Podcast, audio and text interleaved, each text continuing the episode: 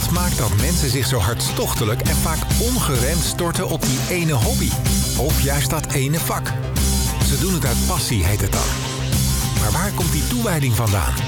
Hoe kwamen ze ermee in aanraking? Waar vielen ze voor? En wat kost het ze aan tijd, geld en energie? In de Meerradio podcastserie Passiepraat schuift Henny Meijer op locatie ergens in Haarlemmermeer aan op zoek naar de antwoorden.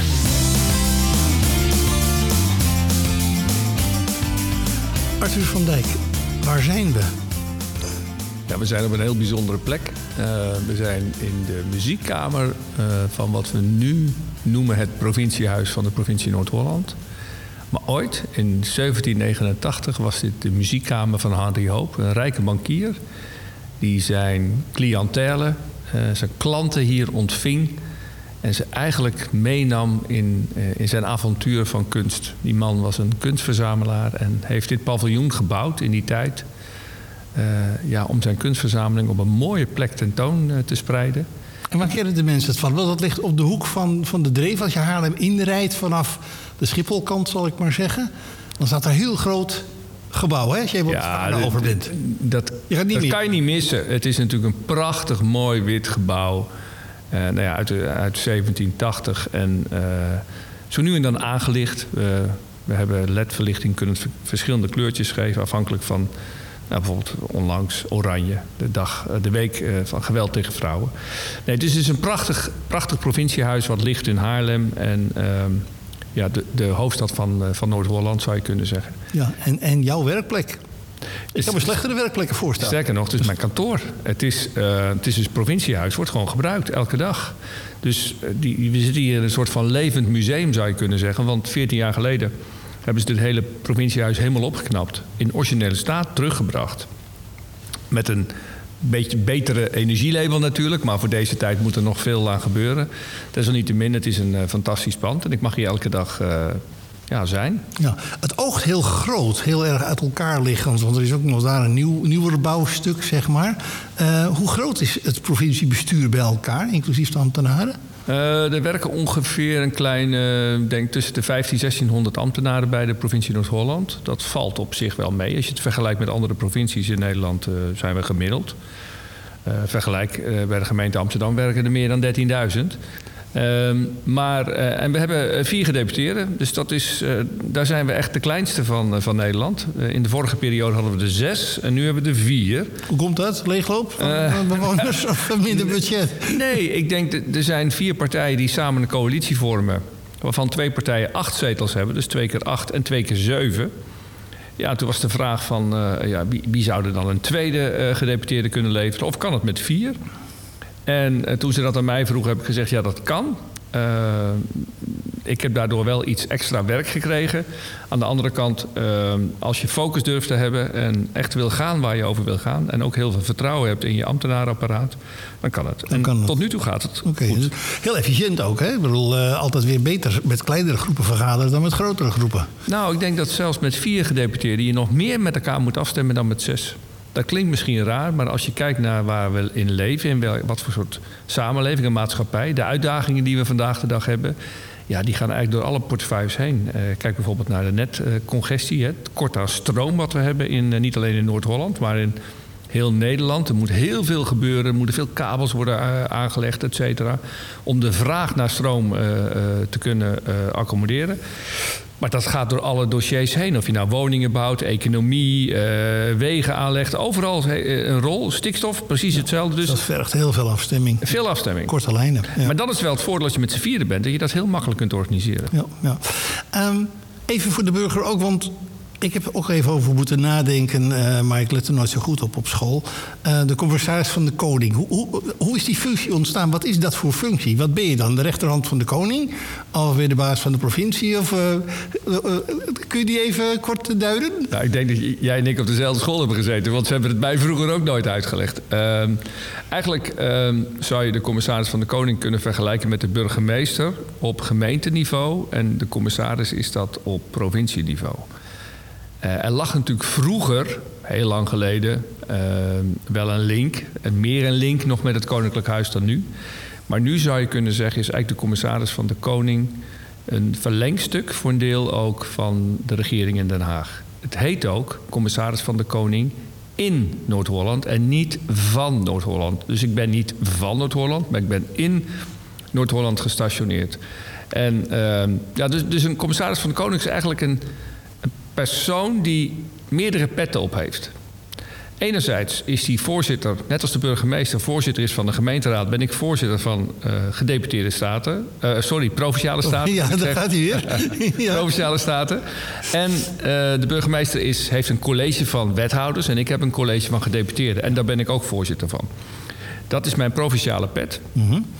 En uh, in dit college heb ik dan nog een paar extra portefeuilles, onder andere uh, bestuur. Het gaat over hoe uh, gemeenten functioneren. Europa, nou, misschien straks nog wat over vertellen. personeelszaken, personeelorganisatie zit bij mij. communicatie, nou ja, allerlei van dat soort provinciale. Het liefst zo min mogelijk politieke portefeuilles. En als rijksorgaan, zeg maar mijn verbinding met het kabinet heb ik een rol bijvoorbeeld bij uh, uh, het installeren en het selecteren van nieuwe burgemeesters. Ja. Het aanstellen van waarnemend burgemeesters. Uh, maar bijvoorbeeld ook, en dat is een hele leuke eigenlijk, het begeleiden van het Koninklijk Huis als ze Noord-Holland binnenkomen. Nou, en dan met een hoofdstad als Amsterdam.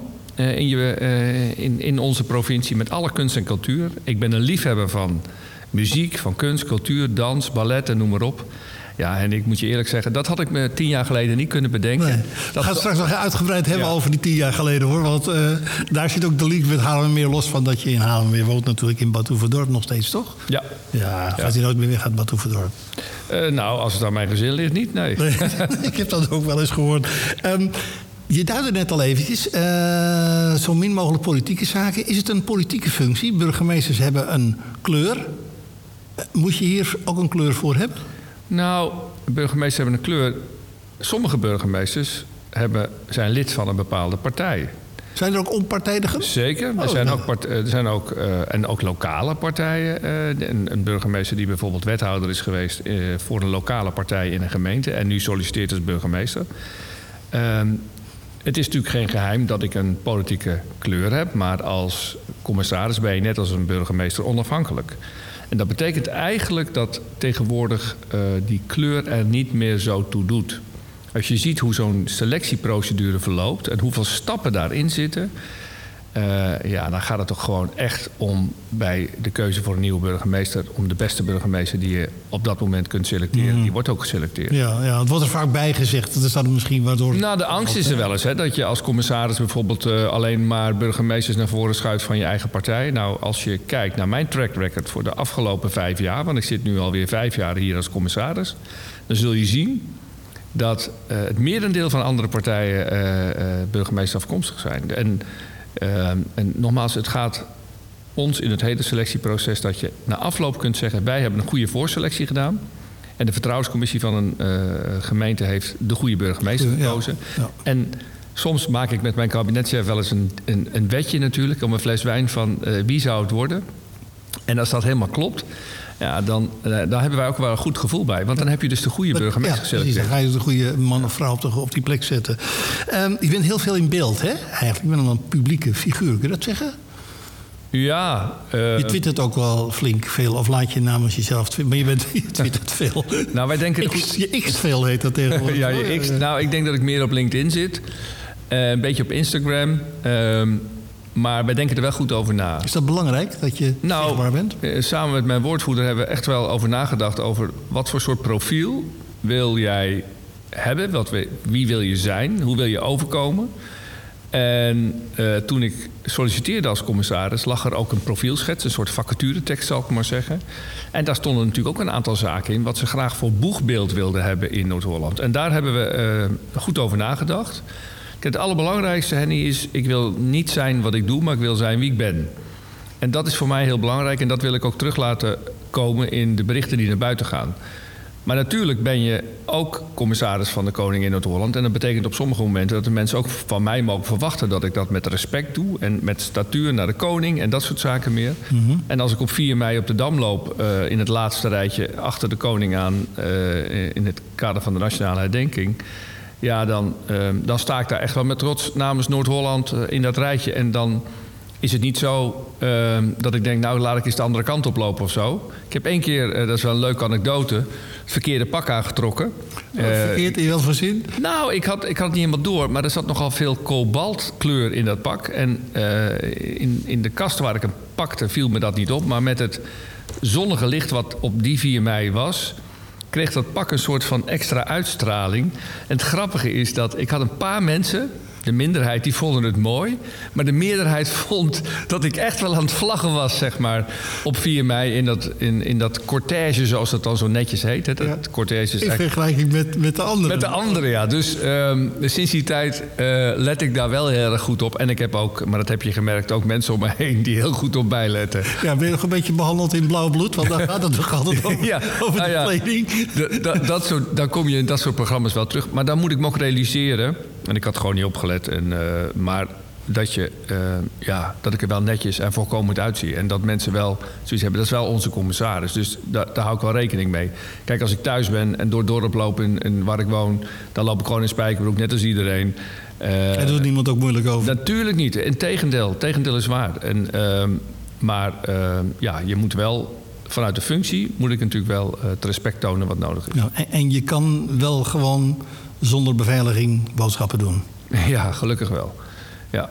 En uh, er zijn best wel eens dingetjes gebeurd. Uh, en de samenleving verandert. Uh, dat is best wel triest soms, hè? want als je kijkt naar het aantal burgemeesters wat toch te maken heeft met. die staan nog dichterbij eigenlijk de samenleving. Die te maken krijgt met agressie en geweld. Ja, daar maak ik me wel eens wat zorgen over. En dat is voor mij ook een belangrijk onderdeel in mijn portefeuille. Ondermijning, weerbaarheid van het openbaar bestuur. Dus hoe kun je het wapenen tegen al dat soort dingen? Hoe kun je zorgen dat je niet de verkeerde mensen naar binnen haalt binnen de gemeente of in de gemeenteraad? Uh, dus daar besteed ik veel aandacht aan, ook met de 44 burgemeesters, want we hebben 44 gemeenten in Noord-Holland. Uh, dus dat, ja, dat vind ik wel een belangrijk onderwerp. Je luistert naar Passiepraat, een Meerradio-podcast met Henny Beijer... die op bezoek gaat bij mensen met een hartstochtelijke liefde... voor een hobby, sport of vak. We zijn in het paviljoen, eh, de thuisbasis van de provincie Noord-Holland. En daar spreken we met Arthur van Dijk, de commissaris der Koning in Noord-Holland, hebben we zojuist geleerd.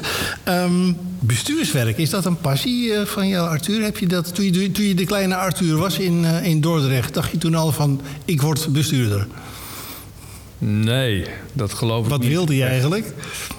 Dat is een goede vraag, heb ik wel eens, uh, wel eens over nagedacht. Ik was daar nooit zo uitgesproken in. Ehm, ik ben ook wel een echte stapelaar.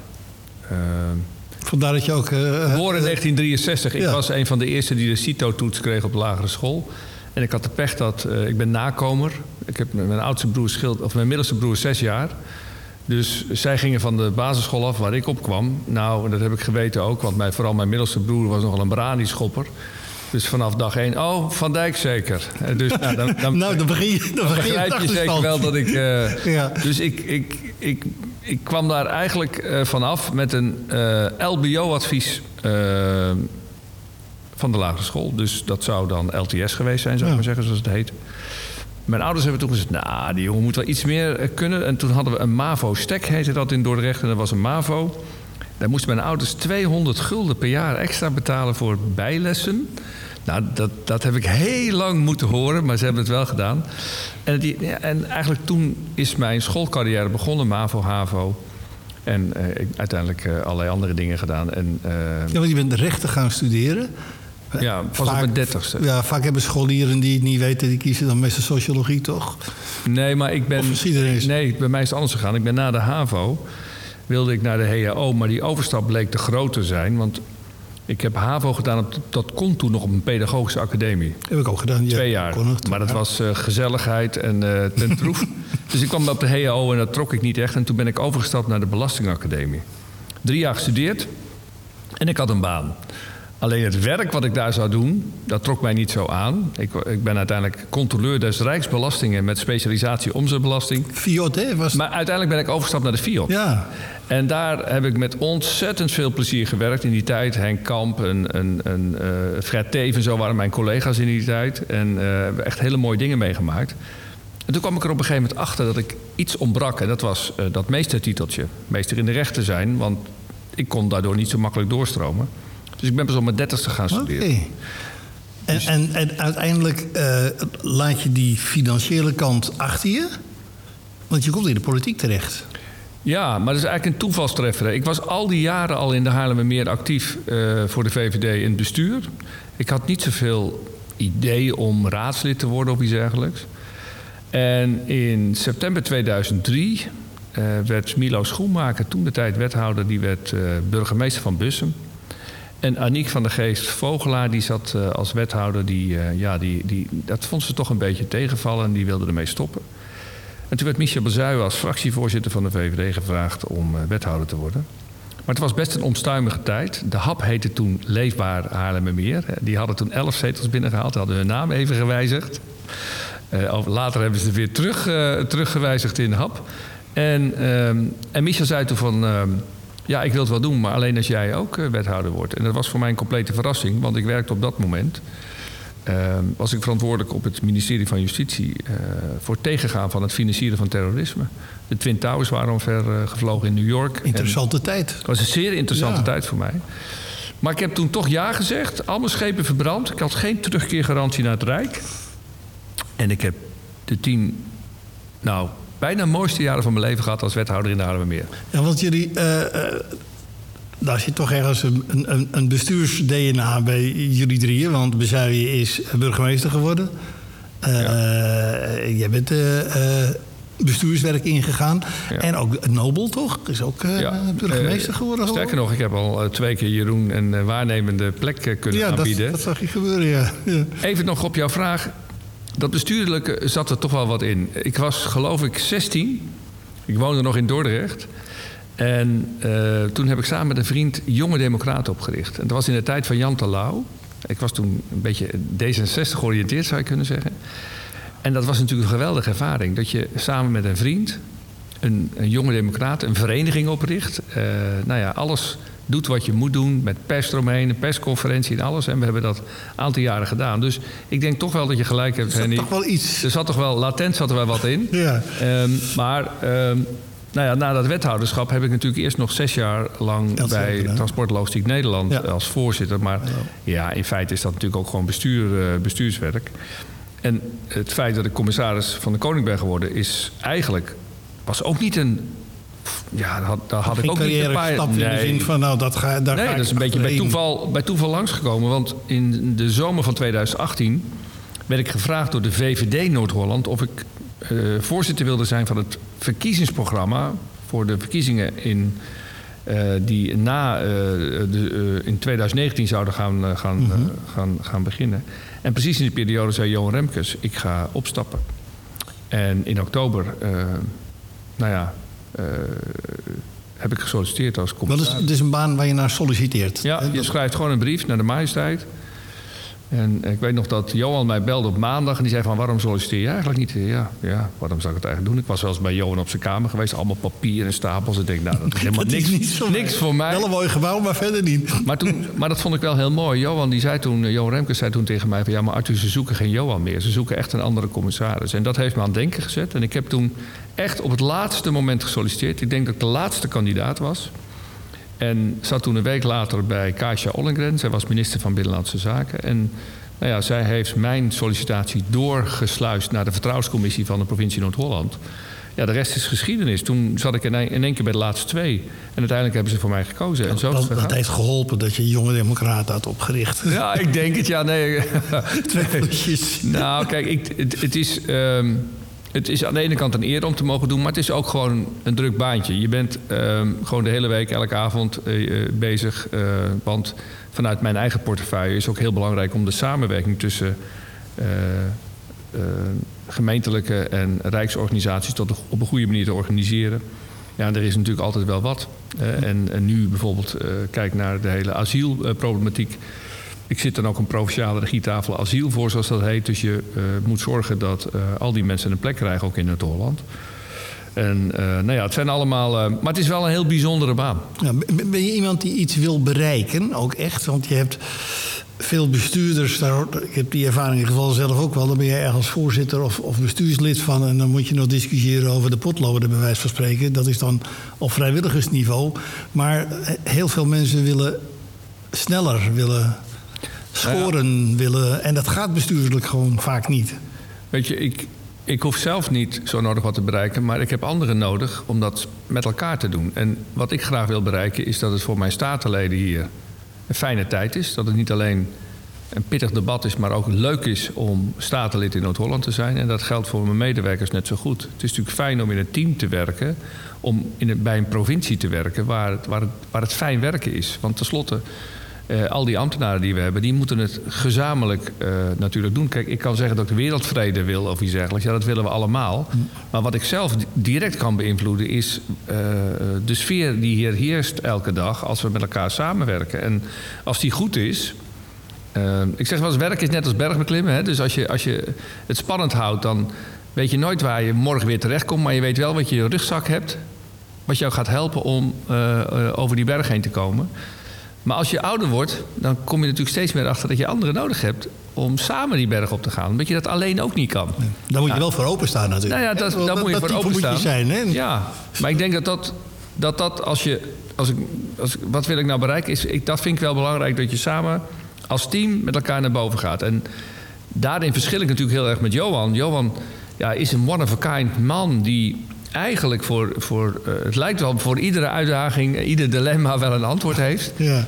Uh, en ik zit heel anders in elkaar. Ik probeer dat met, samen te doen met een uh, groep mensen. En dat is, um, ja, ik denk eerlijk gezegd dat tot nu toe beide partijen goed bevalt. Ja, waar ben je blij van geworden bijvoorbeeld, als je zo terugkijkt die eerste paar jaren? Je zegt van nou, dat was een best lastig proces, maar dat is samen nou, waar ik blij geworden, ik ben blij van um, wat ik zelf belangrijk vind als je commissaris bent. En dan vragen ze ook een boegbeeld.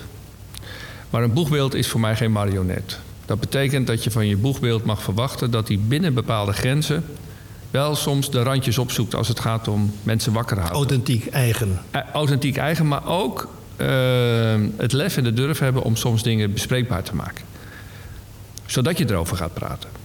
Uh, en niet dat je uh, als uh, commissaris wel zo, zo binnen de lijntjes blijft dat het altijd keurig en netjes is, maar je moet soms ook even de randjes opzoeken. Ja. En dat is van belang om de samenleving ook een beetje te helpen over bepaalde zaken te praten of om dingen te veranderen. Ja, anders komt er vaak geen beweging ook, hè? Dat is het. Het een beetje vastzitten. Dus je moet, je moet wel een beetje die beweging kunnen en, en durven brengen. Maar dat is denk ik ook het spel en uh, de relatie die groeit ook met mijn staten, want dat is natuurlijk voor mij het hoogste orgaan. Dat ze ook in mij het vertrouwen hebben dat ik weet tot hoe ver ik kan gaan. En uh, nou, heel mooi is geweest, uh, twee jaar geleden, op 1 juli heb ik excuses aangeboden voor het slavernijverleden van de stichter van dit pand, Harry Hoop, die bankier. Die wist op de slaaf nauwkeurig hoe zijn financieringen waren geregeld. Uiteindelijk is hij ook de, de de grondlegger van de ABN AMRO Bank. Die hebben natuurlijk ook een onderzoek gedaan. Ik heb ruimte gevraagd aan mijn staten om te zoeken naar een weg. Hoe gaan wij met dat verleden om?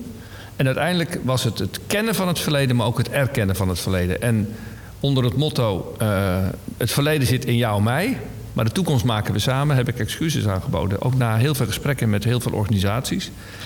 En uh, er waren best statenleden die misschien vonden dat we dat niet moesten doen.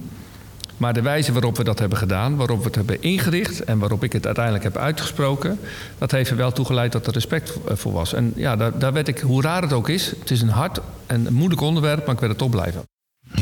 Je luistert naar Passiepraat. Meld je aan via passiepraat.meerradio.nl op het provinciehuis van Noord-Holland um, praten we met de commissaris der Koning, Arthur van Dijk.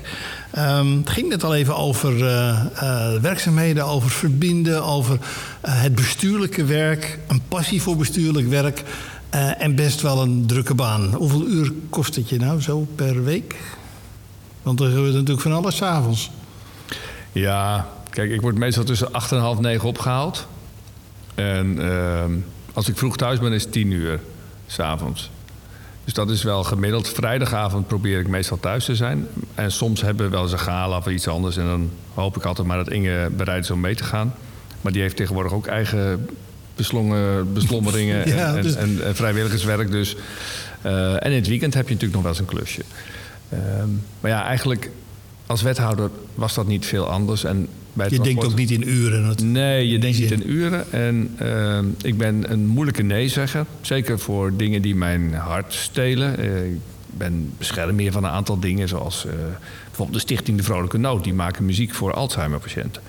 Ja, weet je, Daar ga je voor. eh, daar ga je ja, voor. daar ga je voor. Ik ben tien jaar lang natuurlijk voorzitter van Ademas geweest. Met, ja, Adem was de inloophuis in Nieuw-Vennep. in Nieuw-Vennep, ja. Eh, dat, Landelijke luisteraar. eh, dat is nu Hugo van Luling eh, heeft dat overgenomen. Fantastisch dat hij dat nu als voorzitter trekt. Ja, dat zijn, dat zijn eigenlijk... Daar maak je ruimte voor. Ja, dat is, dat is zo bijzonder. En zo zijn er nog wel mensen die ik help. Ik bedoel, dat mensen helpen... uiteindelijk heeft zich dat natuurlijk een beetje naar het zijn van bestuurder. Maar in de kern ben je natuurlijk gewoon bezig om mensen te helpen. Ja. En- En dan helpt het dat je die functie hebt. Want dat geeft natuurlijk ook uitstraling aan de stichting of waar je dan voor ja, werkt. Dat kan dan ook even in, in het voordeel werken soms. Tuurlijk. Eh, kijk, ik heb geen toverstofje, eh, stokje. Ik, ik kan niet toveren, maar je kunt wel. eh, ondertussen heb je natuurlijk een hoop ervaring. Je kent een hoop mensen. Echt kennen. Hè. Ik, ik- mensen zeggen wel eens een netwerk. Nee, ik ken echt mensen. Ik heb al 30 jaar hetzelfde telefoonnummer. Dus er zitten enorm veel mensen in mijn telefoon. Iedere ochtend kijk ik eh, wie er jarig is en die stuur ik een appje. En er zitten mensen bij die ik al 20, 30 jaar eh, ken en niet jaarlijks zie. Maar dat is gewoon een gewoonte geworden. Dus als mensen bellen, dan is het altijd goed. Maar als ik bel, is het ook goed. En soms kun je mensen aan elkaar verbinden of heel snel iets oplossen. Ja, precies. Hè? Juist dat verbinden doordat je Ja. dat, dat netwerk hebt. En ik ga daar goed op klaarblijkelijk, want ja, dat doe ik al heel lang. Dus eh, ik, ik doe het niet omdat ik zo goed ben, maar omdat ik er waarschijnlijk zelf eh, heel veel plezier uit. En je voelt je daar ook goed in, in die rol. Kennelijk. En ja, dat, dat geldt ook voor. En, en als je dan eh, zeg maar die vrijdagavond eh, voor jezelf hebt, dan eh, is het Bingwatje, eh deze of geen serie, nou, Oval Office, dat soort. eh, Nou, dat ligt eraan als mijn jongste dochter, die woont nu deels in Amsterdam. Maar als hij thuis is, dan wil ze graag met mij samen een serie kijken. Ik weet nooit waarom, want ze zit de hele tijd op de telefoon. Maar dan wil ze met mij een serie kijken.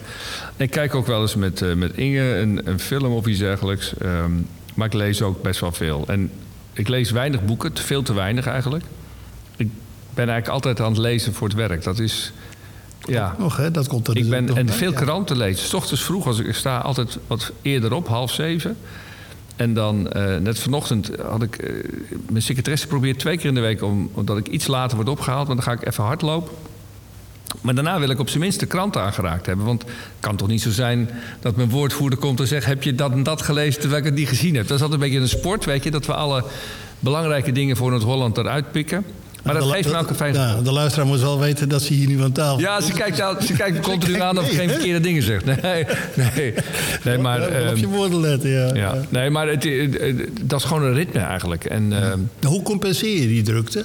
Want dat zit ook druk in je hoofd. Ik bedoel, je moet op een gegeven moment ook eh, slapen, rustig. eh, Nou, ik heb natuurlijk een heel fijn gezin. eh, en eh, Inge en ik houden van koken. We houden, en dat doen we samen toevallig ook nog heel erg leuk en lekker. Ehm, Heeft ook wel iets verzorgends in haar. Ehm, d- dus we hebben ook mensen om ons heen die, eh, nou ja, die het soms fijn vinden om eh, waar we iets voor kunnen doen. Ehm, we maken eens een wandelingetje. Eh, en eh, ik ben sinds eh, drie maanden opa geworden. Dus Ach, dat is ook een, een nieuwe hobby, zal ik maar zeggen. Oefenen achter de kinderwagen. Ja, dus je, je, er zijn gewoon heel veel dingen die bij ons voorbij komen. En Inge zorgt ook nog voor de ouders. Dus ja, wij hebben gewoon ook een, een, een lekker privéleven. Het is wel zo op zondagavond. Dan vraagt Inge aan mij: Eet je nog thuis deze week? ja, dat klinkt dan heel realistisch. Nee, ja. zo simpel is het. Haar vader eet op maandag altijd mee en op donderdag. Nou, toevallig eh, heb ik gisteren aan thuis gegeten. En hij zegt, wat kom je eigenlijk doen? dus dat is in mijn eigen huis. Maar, maar, dus dus, eh, eigenlijk, het vliegt voorbij. Het Ja. vliegt voorbij. Ja, ja. Rondom eh, de feestdagen, wat stond er op het menu?